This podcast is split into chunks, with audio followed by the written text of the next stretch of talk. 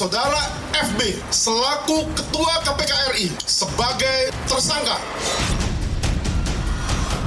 Di dalam melakukan pemberantasan korupsi itu tidak mudah.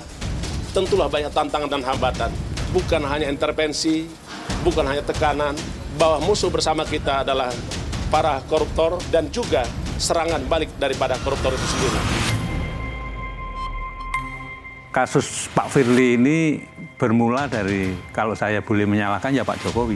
Karena tone of the top-nya kelihatannya di periode kedua Pak Jokowi itu sangat menurun untuk pemberantasan korupsi. Revisi Undang-Undang KPK, Undang-Undang KPK dilakukan. Hormati semua proses hukum. Ya.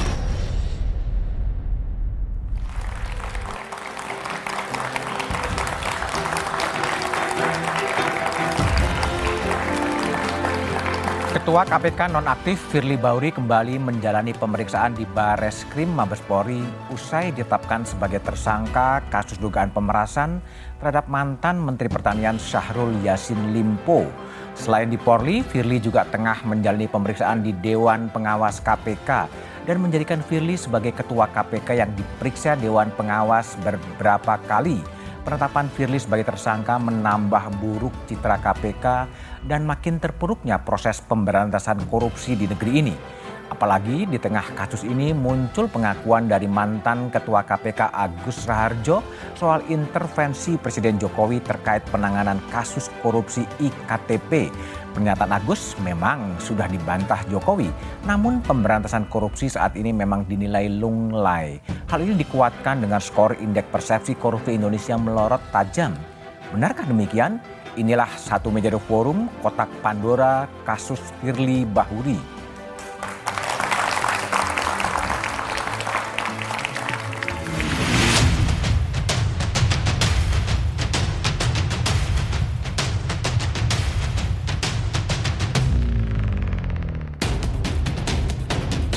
Pertama dalam sejarah, sekaligus menjadi nokta merah lembaga anti rasuah KPK saat Firly Bahuri ditetapkan sebagai tersangka kasus dugaan korupsi oleh Polda Metro Jaya.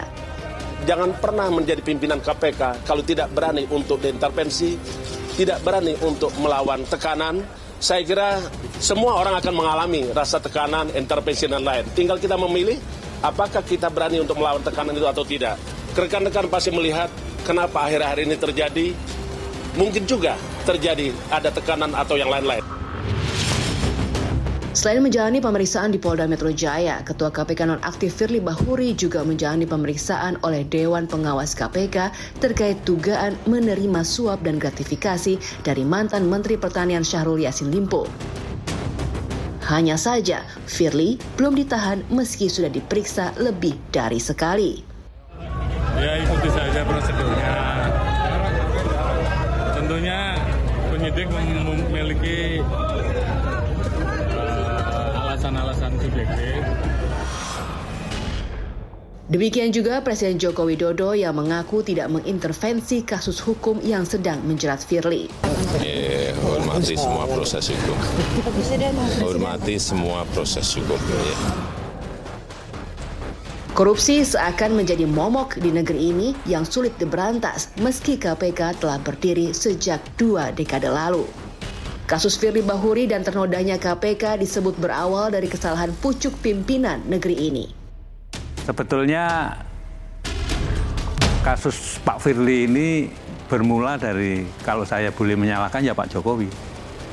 Anda ingat eh, revisi Undang-Undang KPK, Undang-Undang KPK dilakukan. Selain itu, hingga awal 2023, data Indeks Persepsi Korupsi Indonesia tercatat melorot tajam dan menjadikan Indonesia berada di posisi sepertiga negara terkorup di dunia dan jauh di bawah negara-negara di Asia Tenggara jauh gitu dari 38 ke 34 gitu. Ini sebenarnya sudah menggambarkan bagaimana situasi uh, pemberantasan korupsi di Indonesia gitu ya.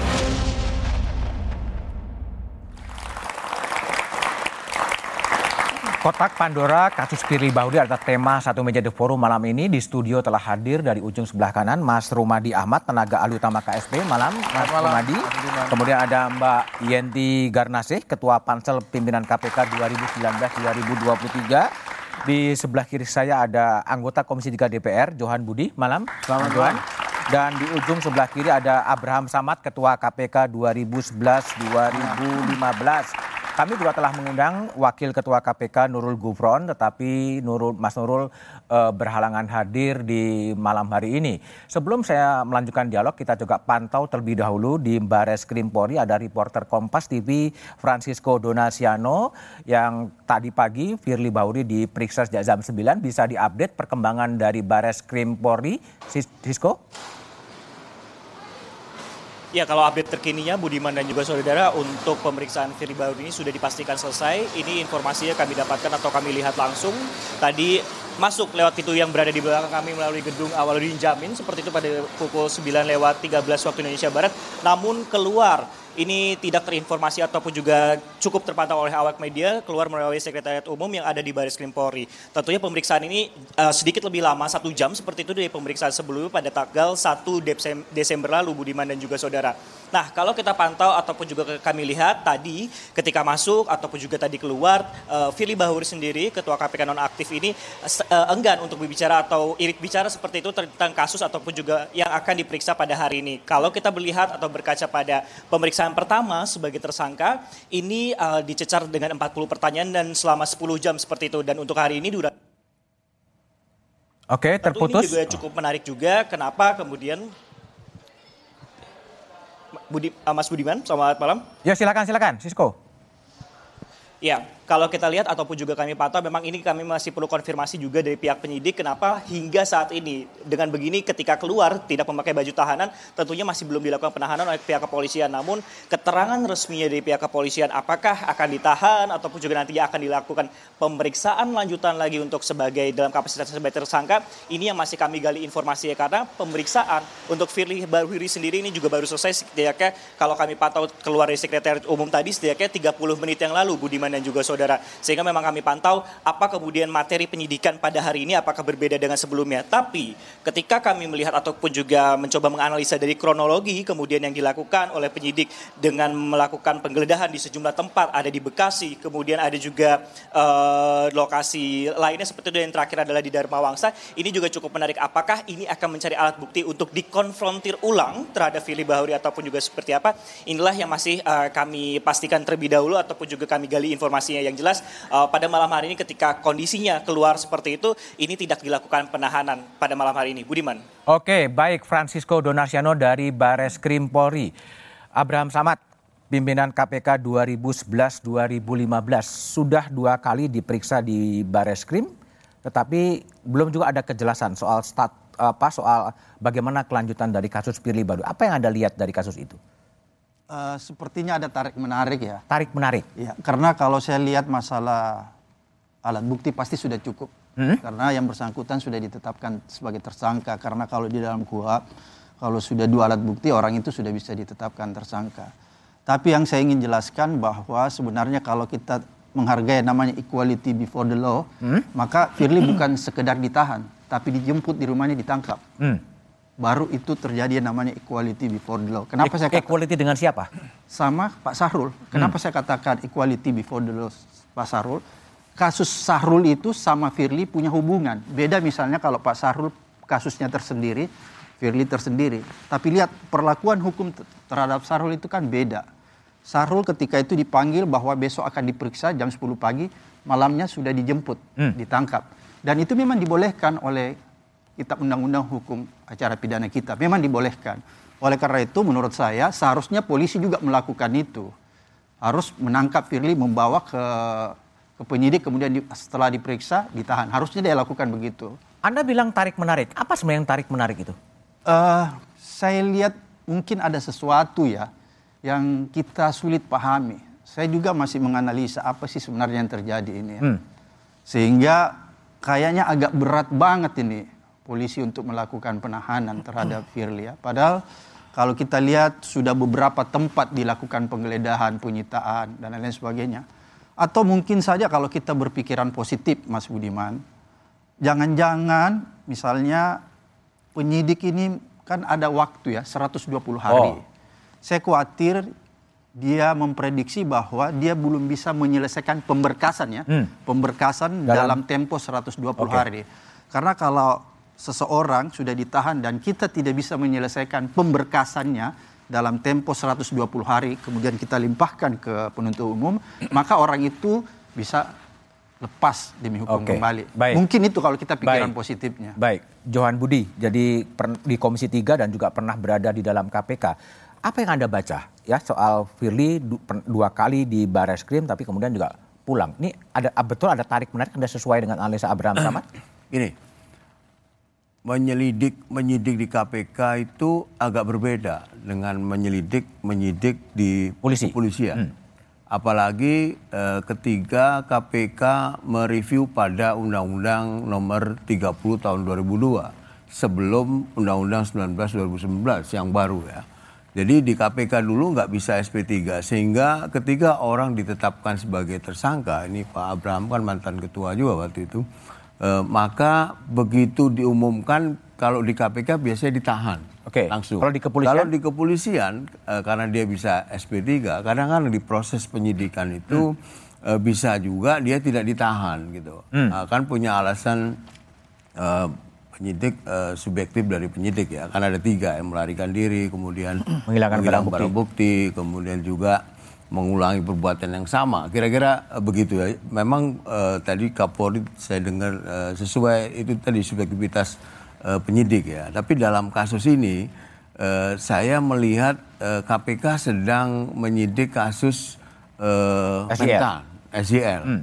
ya kemudian uh, Polda Metro itu mendapat laporan bahwa uh, ada dugaan Pemerasan. KPK memeras. Hmm. Kemudian dia memproses uh, hukum itulah. Hmm. Uh, saya melihat uh, dua-dua ini punya dasar uh, alasan yang kuat. Hmm. Polda Metro karena ada laporan. laporan.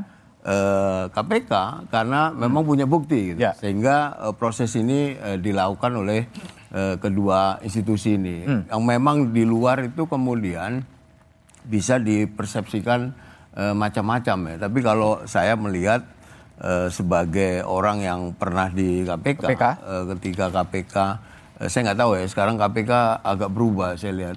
E, kalau KPK sudah menetapkan seseorang menjadi tersangka, itu buktinya memang lebih dari dua biasanya. Tidak cukup dua dia. Kalau okay. lebih dari dua di itu sehingga uh, kuat betul ini.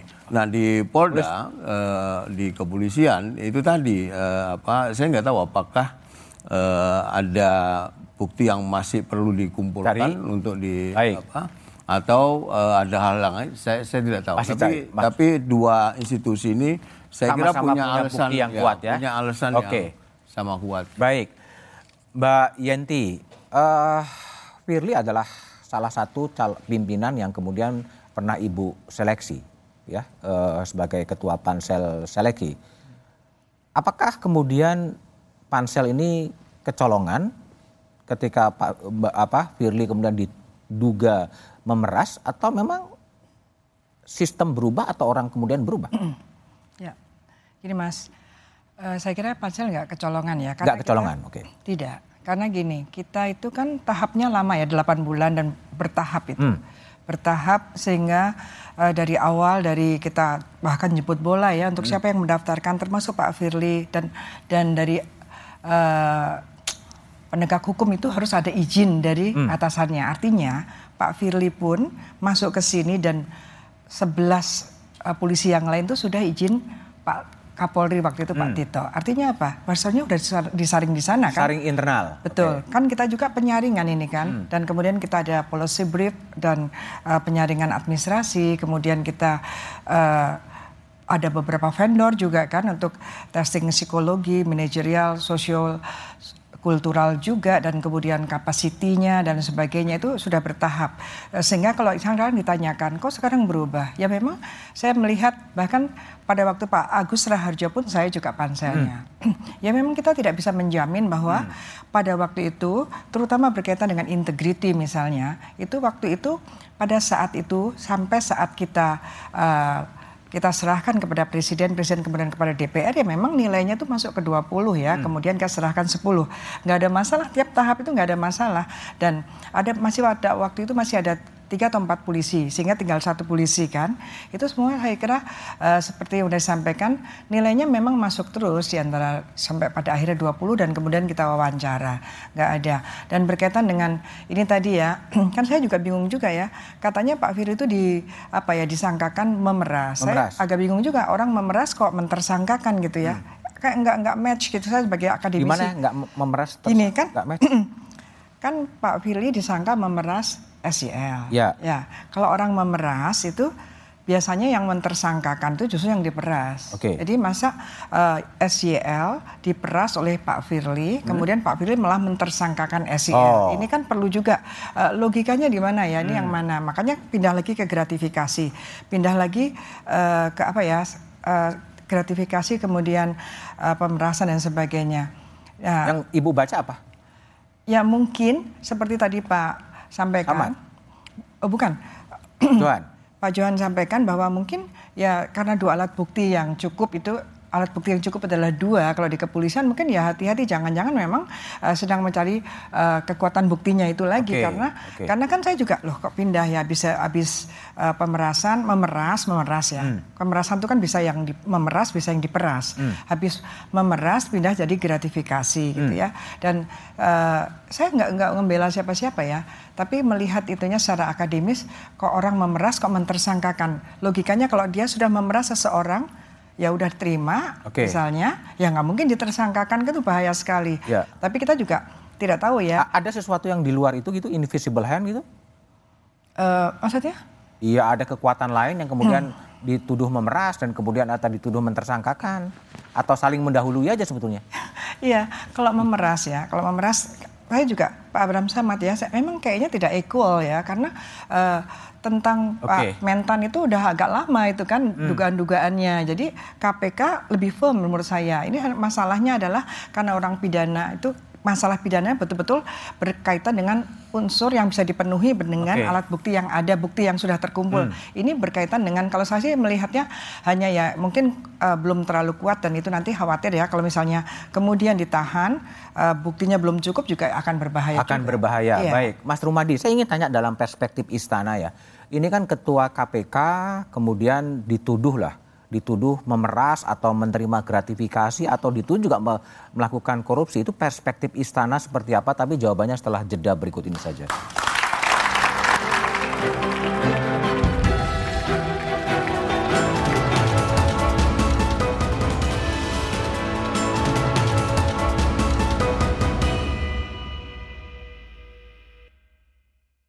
Sebetulnya kasus Pak Firly ini bermula dari kalau saya boleh menyalahkan ya Pak Jokowi.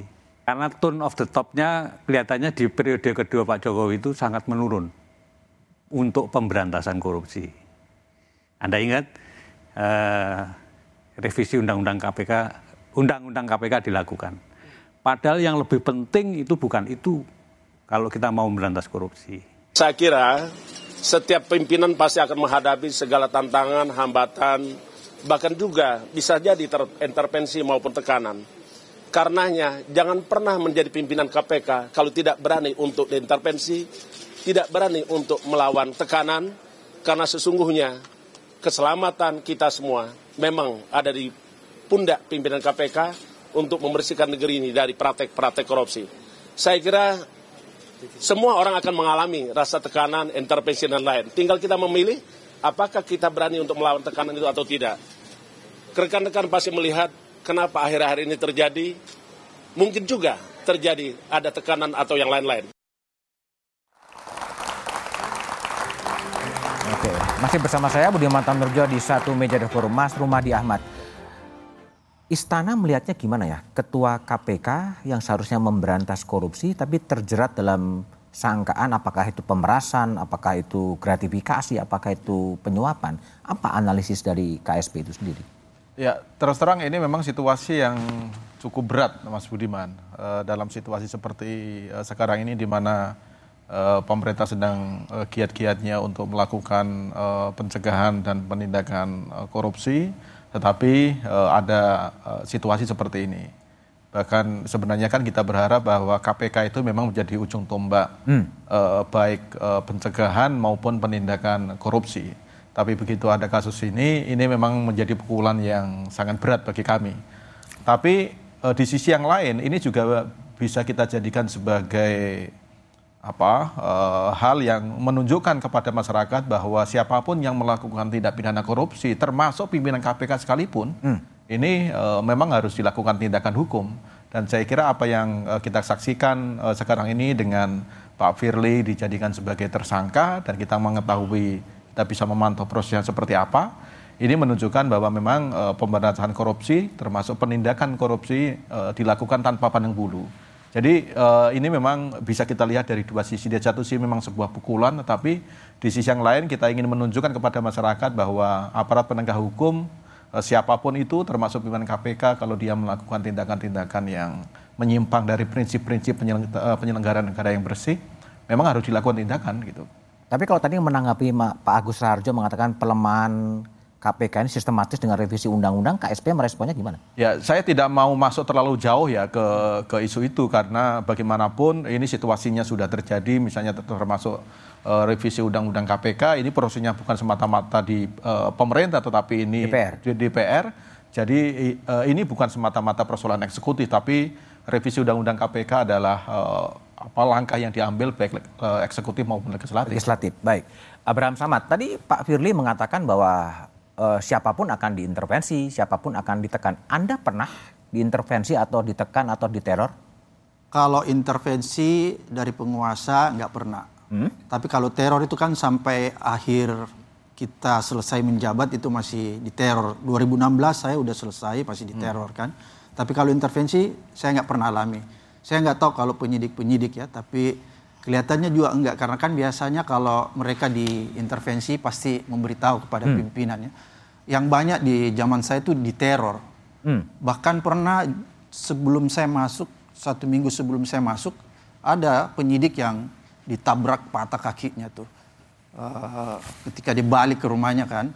Jadi kejadian teror seperti novel itu banyak dialami penyidik-penyidik KPK. Hmm. Dan menurut saya itu yang paling banyak terjadi daripada intervensi. Inter oleh, oleh karena itu menarik sebenarnya apa yang disampaikan Pak Agus kalau menurut saya. Sebenarnya apa yang disampaikan Pak Agus bagus kita tanyakan Ibu Yenti. Hmm. Apakah ketika memilih pimpinan KPK, pansel itu dapat intervensi? Kenapa okay. saya katakan ini perlu? Karena menurut saya kalau tadi Ibu Yenti menyatakan bahwa skor mereka itu terpenuhi secara intelektual, yes. Oke. Okay. Tapi kan penilaian bukan di situ. Pertama, KPK sudah memberikan satu dokumen kepada Pansel dan kepada DPR tentang pelanggaran etik, etik yang dilakukan Firly ketika okay. dia menjabat jadi deputi. Jadi itu firm. Oke. Okay. Sehingga ya. sebenarnya kalau bukti itu ada beda kalau misalnya sekedar ucapan, hmm. tidak ada bukti, okay. itu fitnah. Baik. Tapi ini semua dilengkapi dengan bukti, tapi toh masih didoloskan oleh karena itu Baik. perlu kita tanya. Oke, Mbak, Mbak Janti silakan. Apakah memang yang di, yang diintervensi panselnya sebetulnya? Ah, tidak, pansel nggak diintervensi. Pansel itu kan kepanjang tanganan presiden. Hah? Kita tahap setiap tahapan itu uh, diketahui oleh presiden melalui Mensesnek itu udah pasti kan, hmm. karena kita memang kalaupun ya kita misalnya dapat 20, presiden nggak setuju juga boleh kok itu kan okay. misalnya gitu. Jadi di situ clear ya bahwa itu kita hanya kepanjang tanganan presiden dan itu adalah suatu instrumen untuk menjaring dari yang pertama dulu 600 yang belakangan 360. Hmm itu ya dari itu kemudian kita harus mencapai angka 10 orang. Hmm. Nah, di situ nggak ada intervensi sama sekali. Kalau dokumen-dokumen yang katakan nah, waktu itu gini, jadi waktu itu kan kita minta minta data dari semua penegak hukum yang hmm. kita datang itu kita minta data semua.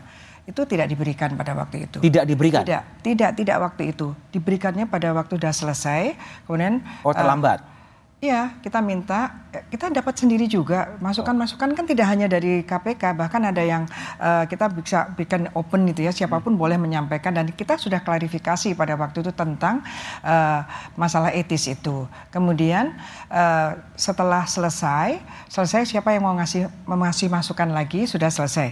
Begitu sudah selesai, kemudian Pak dari KPK minta memberikan surat rahasia. Kalau nggak salah gitu masukan rahasia tapi sudah diserahkan oleh wartawan loh. Rahasia kok di wartawan kan? Tapi oh, kita udah selesai pada waktu prosedur itu. juga? Ya iyalah kan oh. kalau nyakisnya dan lagi uh, waktu itu Pak uh, Agus Raharjo minta kita yang datang, padahal yang lain itu kan datang ke sini gitu ya. Oh, Nah itu juga jadi dan sudah prosedur. sudah waktunya selesai dan sebelumnya nggak ada lagi gitu. Jadi Hmm. kita kan nggak mungkin juga diintervensi terus harus mundur gara-gara itu. Nah kemudian uh, kita jalan saya kira uh, sampai selesai kita tuh kan bersembilan juga. Itu dari kalangan yang berbeda. Pemikirannya berbeda, pandangannya juga berbeda dan ada juga dari LS dari masyarakat sipilnya juga kan di sana ada tiga orang itu di sana. Jadi tidak saya kira tidak diintervensi Tidak lah diintervensi. kami. Iya Oke, tidak. Baik. Johan Budi, jadi kalau respon sekarang rame kan bahwa KPK itu rentan intervensi. Ya, Kalau tadi Mas Agus Raharjo kan mengatakan ya Pak Jokowi kadang-kadang juga mengintervensi. Selama masa Anda menjadi pimpinan KPK pernah juga terjadi intervensi dari kekuasaan? Saya menggantikan Pak Abraham sama Pak Bambang. Bambang. Bambang. Waktu itu karena tersangka kemudian eh, saya ditunjuk sebagai PLT. PLT. Ya, bulan Februari kalau nggak salah. Eh, nah dalam masa-masa itu kondisi KPK benar-benar eh, terpuruk. ya. Terpuruk. Eh, Budiman bisa Ya. eh, review ke belakang apa dulu yang disebut dengan cicak versus Buaya. buaya. Lumpuh KPK waktu itu. Dua pimpinan ketua KPK sama wakilnya menjadi tersangka. Tersangka. Organisasi stagnan, tidak jalan. Eh, karena eh, pimpinan kami jadi tersangka. Kemudian eh, ada tiga ya waktu itu ya Pak Abraham ya. Eh, Kemudian eh, saya menjadi PLT.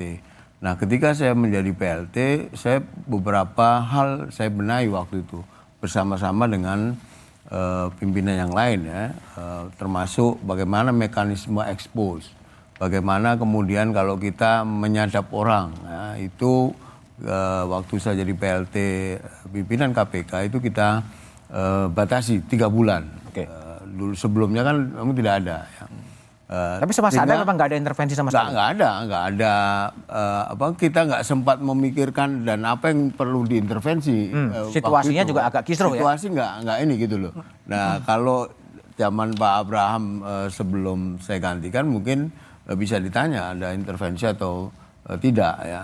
Eh, jadi ketiga itu memang benar-benar bagaimana memulihkan eh, lembaga publik. KPK eh, agar bisa jalan normal saja belum ini ya belum oh, banyak sekali waktu itu persoalan yang Hanya bedanya pada ya. waktu itu adalah dukungan publiknya masih begitu Nah, besar ya? Ya waktu itu agak berbeda dengan sekarang. Dulu kita itu dibentengi oleh publik. Be- Berapa kali KPK mengalami itu ya apa yang disebut dengan cicak versus buaya itu. Bahkan dulu kalau masih ingat Budiman ketika itu eh, untuk membangun gedung KPK DPR nggak setuju waktu itu. Itu dukungan publik Hmm. Luar biasa. biasa. Tapi Saya sekarang kenapa disyukurin ya kelihatannya? Ah, itu nggak nggak tahu saya. saya saya nggak percaya ya. Ini ini di luar pertanyaanmu tadi. Apakah revisi undang-undang KPK itu membuat KPK menjadi Lemah. terpuruk se- seperti ini? Hah? Tidak. Tidak. Kalau secara lembaga dia lemah kewenangan lembaganya. Kenapa lemah? Lembaga ya, Hmm. bukan orang per orang. KPK terpuruk tidak didukung atau didukung oleh publik itu karena kelakuan kelakuan orang KPK. Oh. Kalau secara lembaga memang benar ya.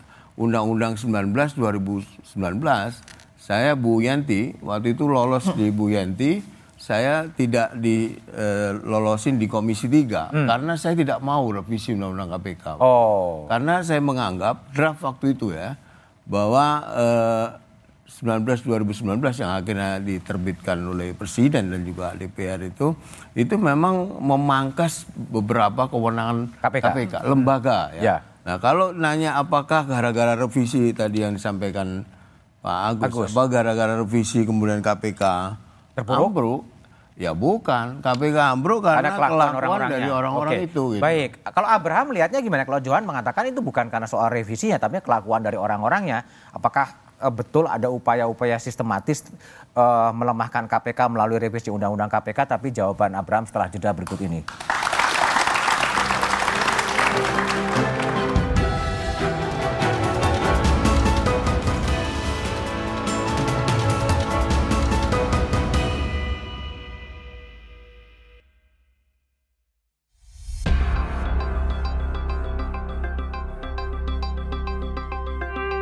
Oleh karena itu kita bilang kalau mau berantas korupsi atau mau ini jangan hanya karena momen politik.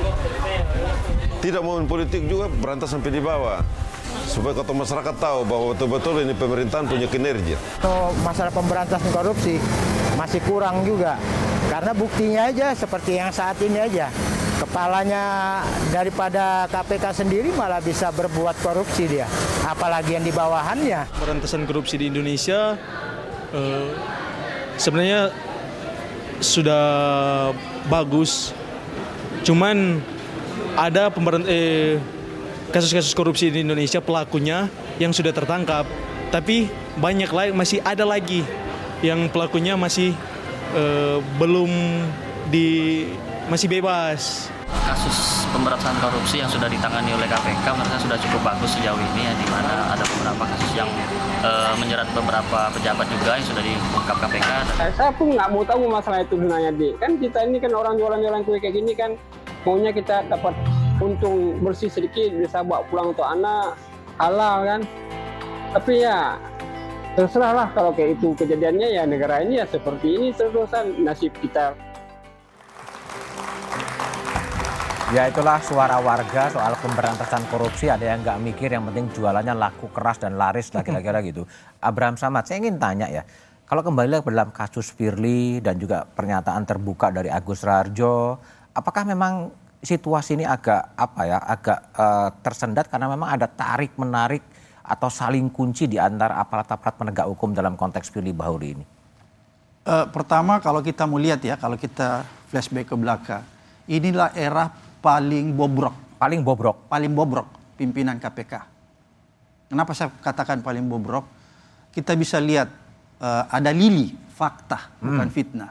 Lili itu melanggar etik, etik sekaligus melanggar pidana. Kenapa Mundur. saya katakan melanggar pidana? Karena menerima gratifikasi fasilitas menonton balap di hmm. Mandalika, tapi nggak diberikan sanksi hukuman.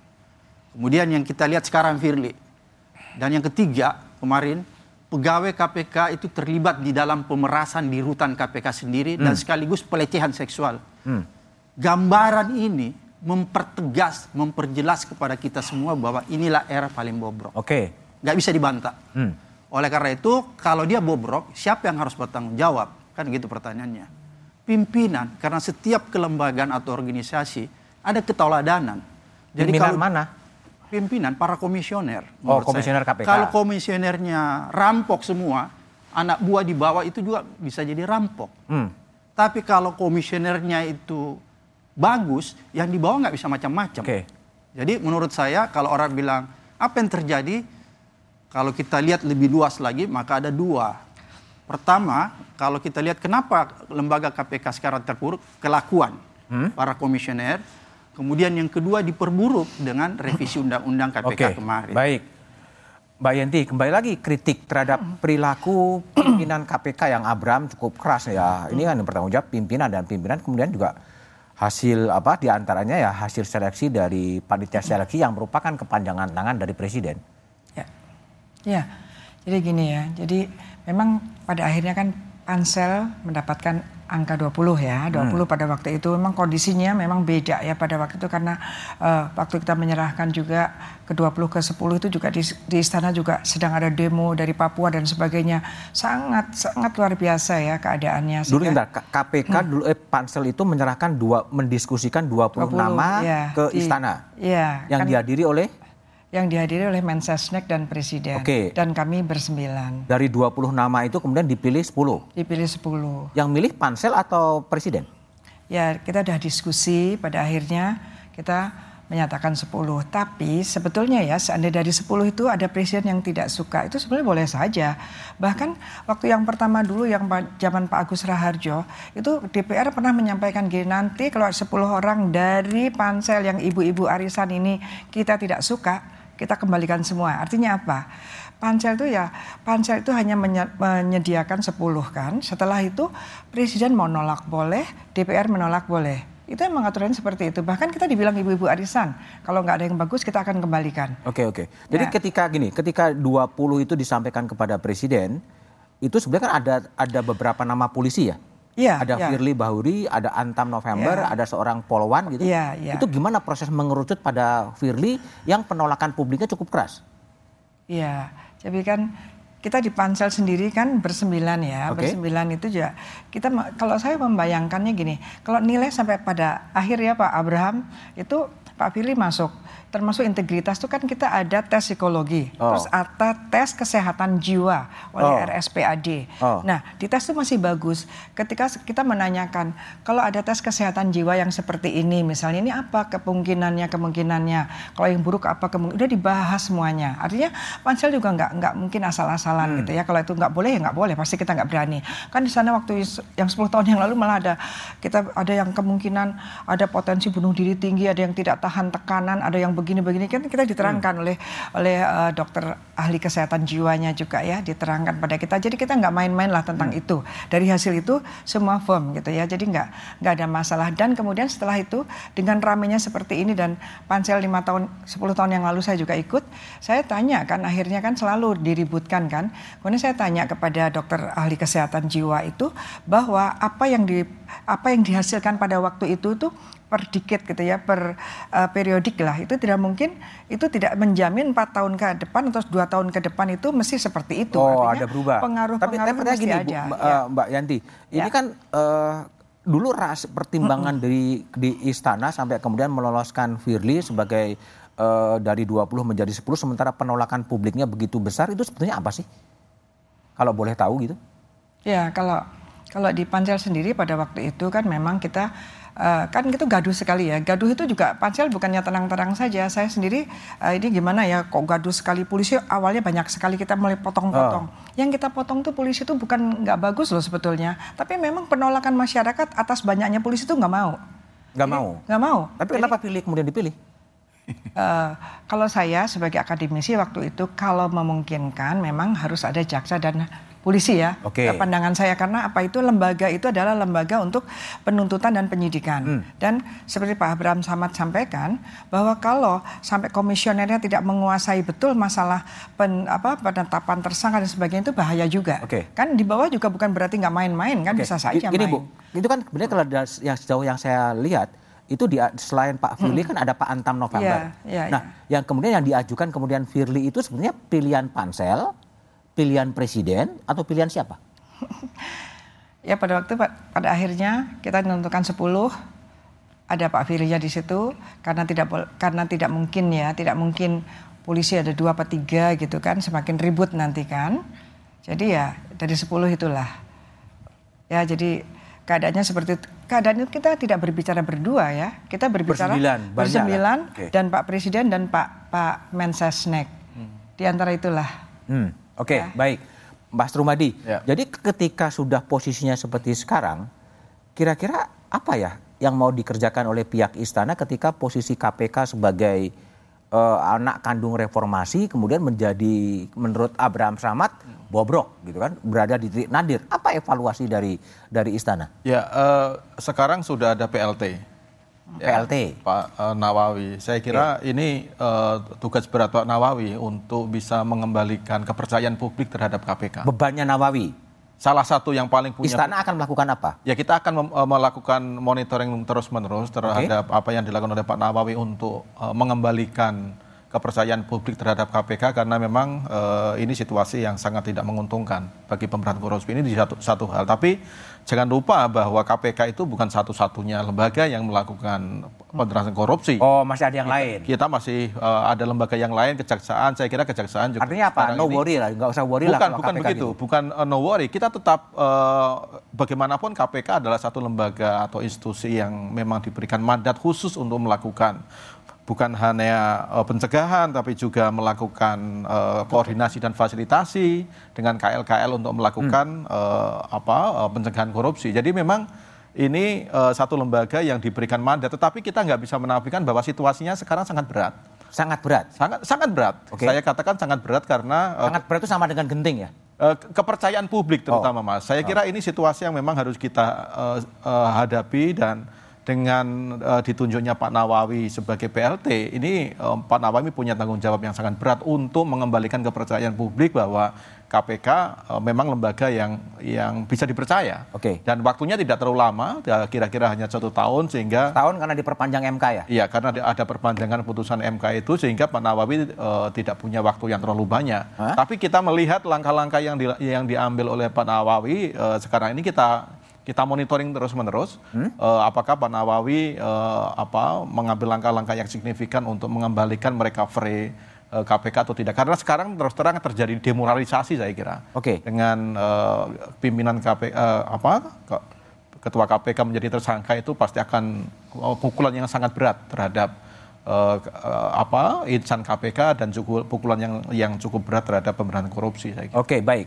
uh, Johan Budi. Jadi dalam situasi yang cukup berat, pimpinan KPK-nya pun kemudian bermasalah. Saran Anda apa sih untuk kemudian uh, apakah kemudian terpikir mengembalikan KPK seperti yang dulu gitu sebelum direvisi atau seperti apa? Tapi jawabannya setelah jeda berikut ini saja.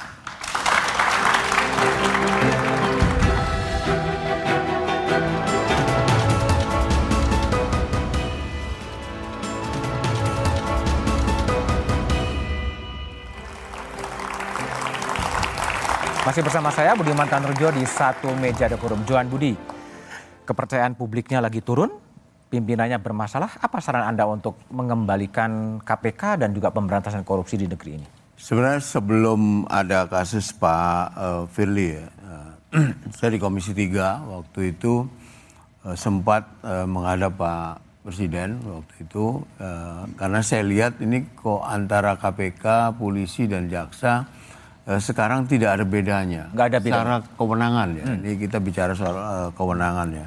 Uh, lidik, sidik, tut ada juga di kejaksaan. Kemudian SP3, KPK juga sekarang ada bisa sekarang. SP3.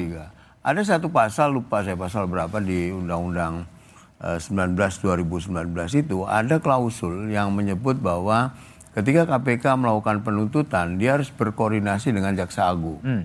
Sementara KPK itu tugasnya adalah melakukan supervisi hmm. terhadap kasus korupsi yang ditangani oleh siapa, yang ditangani oleh kepolisian hmm. dan hmm. kejaksaan. Jadi ini kan itu sempat saya tanyakan juga waktu itu ke uh, pimpinan KPK ya ketika rapat kerja sehingga saya waktu itu punya uh, ide untuk membuat uh, merevisi undang-undang KPK yang sekarang tapi KPK diperkuat gitu. Jadi ada kelebihan KPK ini kan anak kandung reformasi hmm. ya yang lahir dari uh, reformasi yang dulu uh, katanya KPK itu uh, super body katanya hmm. yang punya kewenangan lebih uh, 30 2002 itu sekarang uh, 19 2019 itu menjadikan KPK sama saja bukan bukan super body lagi dan lagi sekarang dia sebagai klasternya eksekutif. Eksekutif. Iya, ini, ini juga banyak pengaruhnya ya kepada uh. Saran Anda apa sekarang?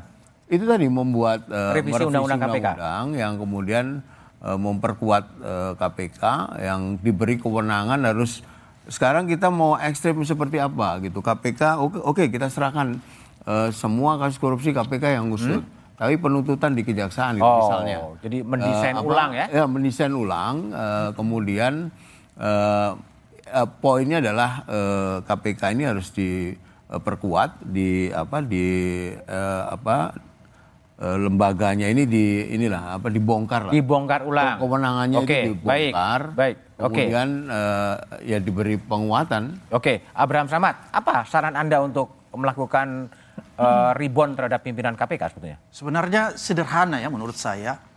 Kita kembali aja kalau kita tidak ingin uh, membuat undang-undang yang lebih jelimet, hmm? kita kembali ke undang-undang lama. Oke, Substansinya dengan, dengan sama. cara uh, kita susun kembali dan merubah undang-undang baru revisi ya, tapi substansi di undang-undang lama itu sebenarnya sudah sangat memadai. Hmm. Kan kalau kita lihat ya, kenapa sampai revisi undang-undang itu terjadi? Karena paling banyak dipermasalahkan mengenai penyadapan dulu. Orang DPR takut hmm. gitu ya.